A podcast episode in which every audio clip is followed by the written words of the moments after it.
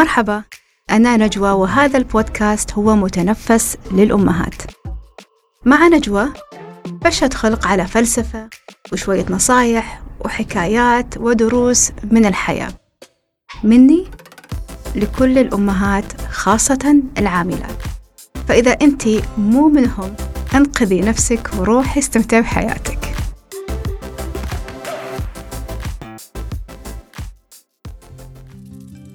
عودا حميدا وشكرا لكم على متابعتكم ل podcast with نجوى معاي أنا coach نجوى البريكي.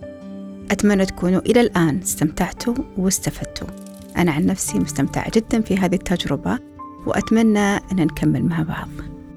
من أسبوع كنت في coaching conference وأحد ال coaches اللي أنا أحترمه في هذا المجال قال جملة رنت في راسي.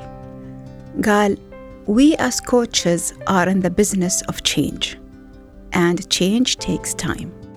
وهذا الشيء نبهني أني فعلا ما أستعجل النتائج لأني مرات أحس لأن العميل يريد نتيجة أنا لازم أغير أسلوبي ككوتش عشان هو يحصل على نتيجة. Regardless إذا فعلا هذه النتيجة حقيقية صحيحة في وقتها أو لا. في حلقة اليوم بتكلم عن التغيير عن رغبتنا في التغيير. وعن سوء فهمنا لكلمة التغيير واستعجالنا للنتائج. لأن التغيير لا يحصل في كبسة زر. اللي يعتقد أنه ممكن اليوم يقرر يغير وبكرة يتغير هذا الشخص يضحك على نفسه. يا ريت كان بإمكاننا نطلب التغيير ونشوفه ثاني يوم حصل ولكن هذه ليست حال الدنيا.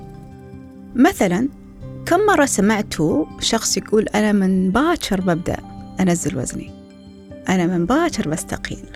أنا من باكر بقول لا. ولكن باكر واللي بعده واللي بعده واللي بعده والقرارات هذه تدخل صندوق ويتسكر عليها. ليش؟ لأن قرار التغيير لا يعني استعداد اللي حاب يتغير أنه أصلا يغير. التغيير ياخذ وقت ياخذ مجهود ياخذ تغييرات صغيرة بوعي. بخبركم عنها بعد شوي. أول نرجع خطوة لورا. ليش أصلا إحنا نبى نغير؟ سواء كان على صعيد شخصي عائلي مدرسي في في القسم عندكم في الشغل في الدوامات في الحكومات وهي تكبر. ولكن لازم نعرف إحنا أساسا ليش نبغى نغير؟ سببين رئيسيين. الأول طلب للتطوير والتحسين يعني معايا وضع جيد بس أنا اريد يكون أفضل. أو هناك مشكلة تحتاج إلى حل. فهي واحد من هالاثنين ما في ثالث لهم. فالحين الشخص اللي يسمعني وحابب إنه يغير يا ترى ليش حابب تغير؟ هل الوضع جيد؟ حابين إنه يتحسن؟ ولا في مشكلة؟ يريد لها حل.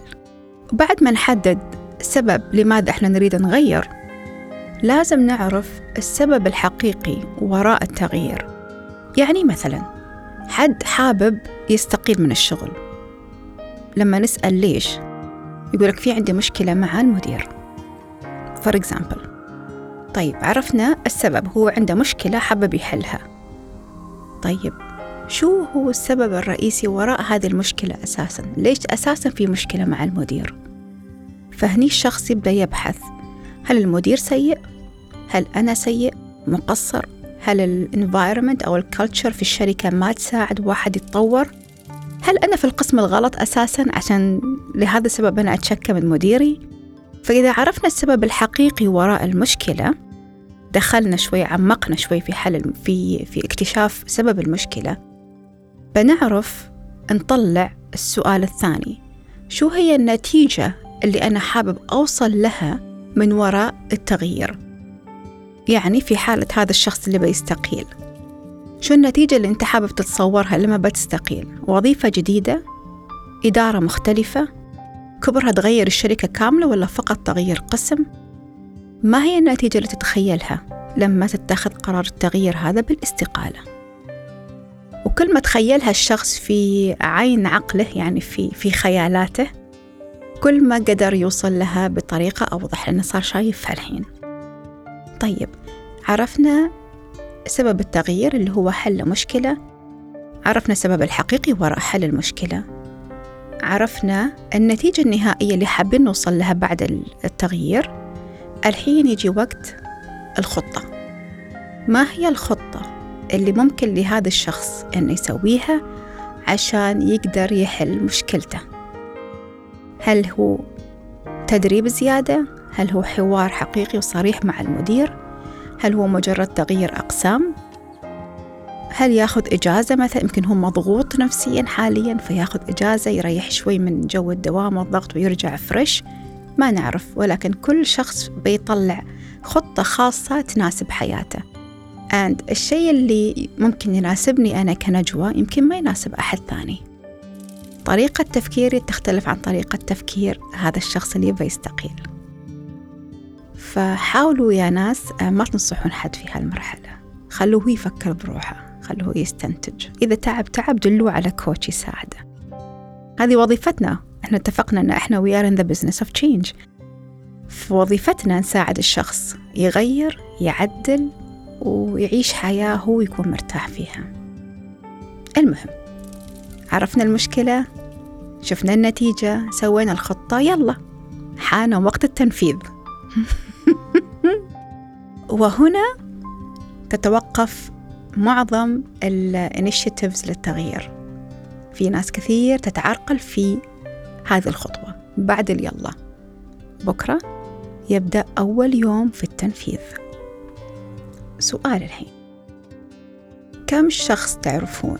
قال أنا بغير من بكرة. رجيم رياضة بستقيل.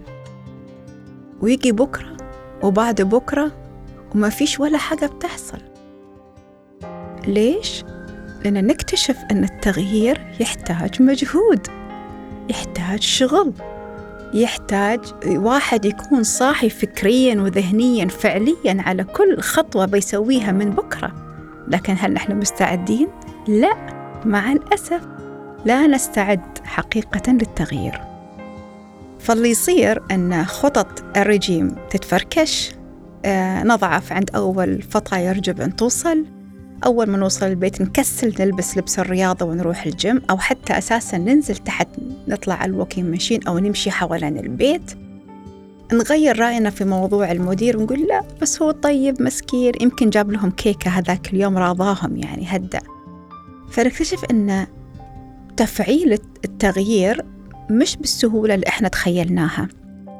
ياخذ جهد. سواء كان جهد عقلي أو جهد جسدي أو نفسي لأن اللي يريد التغيير لازم يظل واعي ومركز في كل خطوة هو يخطيها من أول يوم يبدأ يقرر أنه هو أصلا بيغير. في شيء اسمه intentional change يعني مش بس في النية أنه يا رب خلاص أنا نويت أضعف وبكرة بيكون بالنسبة لي إن أنا آكل بيض مسلوق الصبح piece of cake بستمتع فيها. مم لذيذة. ما تمشي بهذه الطريقة. واللي سوى رجيم يعرف أن أول يوم أو actually أول أسبوع يعتبر أصعب أسبوع والالتزام فيه ضغط نفسي. اللي أقصده بال intentional change أن أنا أكون واعية للتغييرات اللي ببدأ أسويها من بكرة. سواء كان رياضة وزن أخلاقيات طباع وات كانت. ولكن إذا شخص نوى يغير من ثاني يوم الصبح صاحي إن اليوم في اختيارات جديدة مفروض تصير. ما يمشي على الاختيارات السابقة. لأن لو كان على الاختيارات السابقة أساسا ليش بيغير؟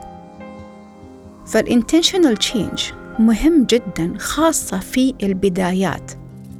لأن إذا نرجع شوية كمان خطوة لورا إحنا ليش بنغير؟ أو شو أساسا بنغير؟ اللي بنغيره هو عبارة عن عادات اكتسبناها عبر الزمن. عادات في الأكل عادات في الرياكشنز عادات في كيف إحنا نسوي أشغالنا كيف نصحى الصبح وخلافه.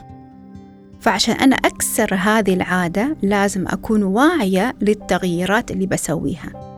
فأنا فعليا أتخذ قرارات خطوة بخطوة أني أنا أختار العادة الجديدة عشان أغير العادة القديمة اللي أساسا أنا متعودة عليها.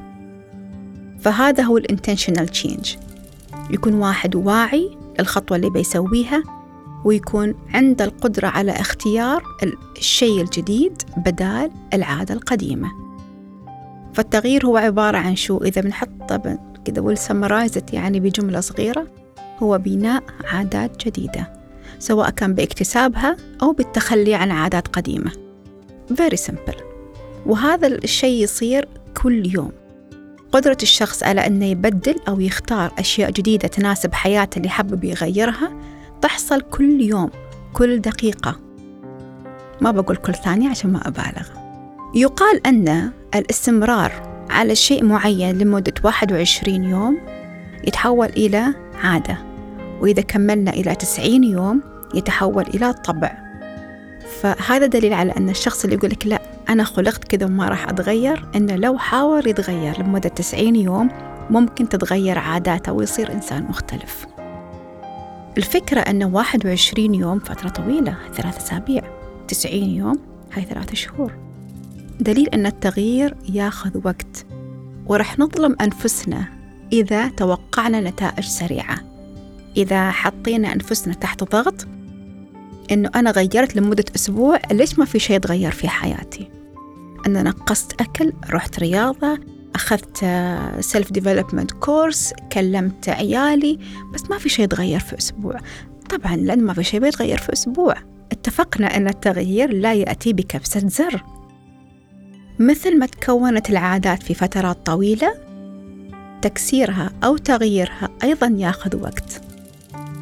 إحنا تبرمجنا صار في عندنا خلايا عصبية تتحرك بطريقة معينة كأنها مجرى نهر ماشي في طريقة معينة. كم المجهود اللي ممكن الواحد ياخذ عشان يغير مجرى هذا النهر إلى اتجاه آخر؟ نفس الشيء يصير في عقولنا وأجسامنا عشان نغير طريقة تفكير الجسم وطريقة reaction اته للأشياء اللي تصير فينا من الحياة. يحتاج وقت وجهد ووعي و intentional change ما أعرف شو يعني intentional change كيف أترجمها؟ التغيير المتعمد. أيوة التغيير المتعمد. وكأن أنت متعمد تغير طبع. والشخص المتعمد دائما يكون واعي ومنتبه لأنه متعمد. فيلا تعمدوا التغيير. هذه الفكرة طلعت معايا من شهرين تقريبا شهر ستة. لما قررت أن أنا أبدأ أغير سيستم حياتي إلى نظام صحي. واكتشفت أن أنا لازم بتعمد أختار أشياء مختلفة عن ال default setting اللي في عقلي وفي جسمي.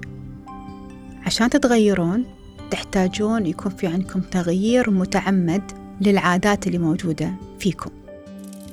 الرحلة مش سهلة ولكن إذا عرفنا أن نتائجها حلوة في النهاية تستاهل. أتمنى لكم رحلة تغيير سهلة يسيرة وأتمنى أن الناس اللي حواليكم يساعدوكم لأن مقاومة التغيير صعبة. وبتكلم فيها في الحلقة القادمة. ولكن الآن تغيير سلس يا رب. اتبعوا هذه الخطوات. اعرفوا ليش تبون تغيرون. اعرفوا النتيجة اللي أنتم حابين توصلوا لها. حطوا الخطة والintentional change. وبهذا انتهت فلسفتي لليوم. الحلقة الجاية راح تكون عن مقاومة التغيير لأن لازم مثل ما إحنا واعيين للتغيير لازم نعي أن هناك مقاومة داخلية شخصية وخارجية من الناس اللي حوالينا. لا تنسوا تتابعوني على حساب الكوتشنج being.with على الإنستغرام وأيضا حساب البودكاست with أشوفكم على خير. مع الف سلامة.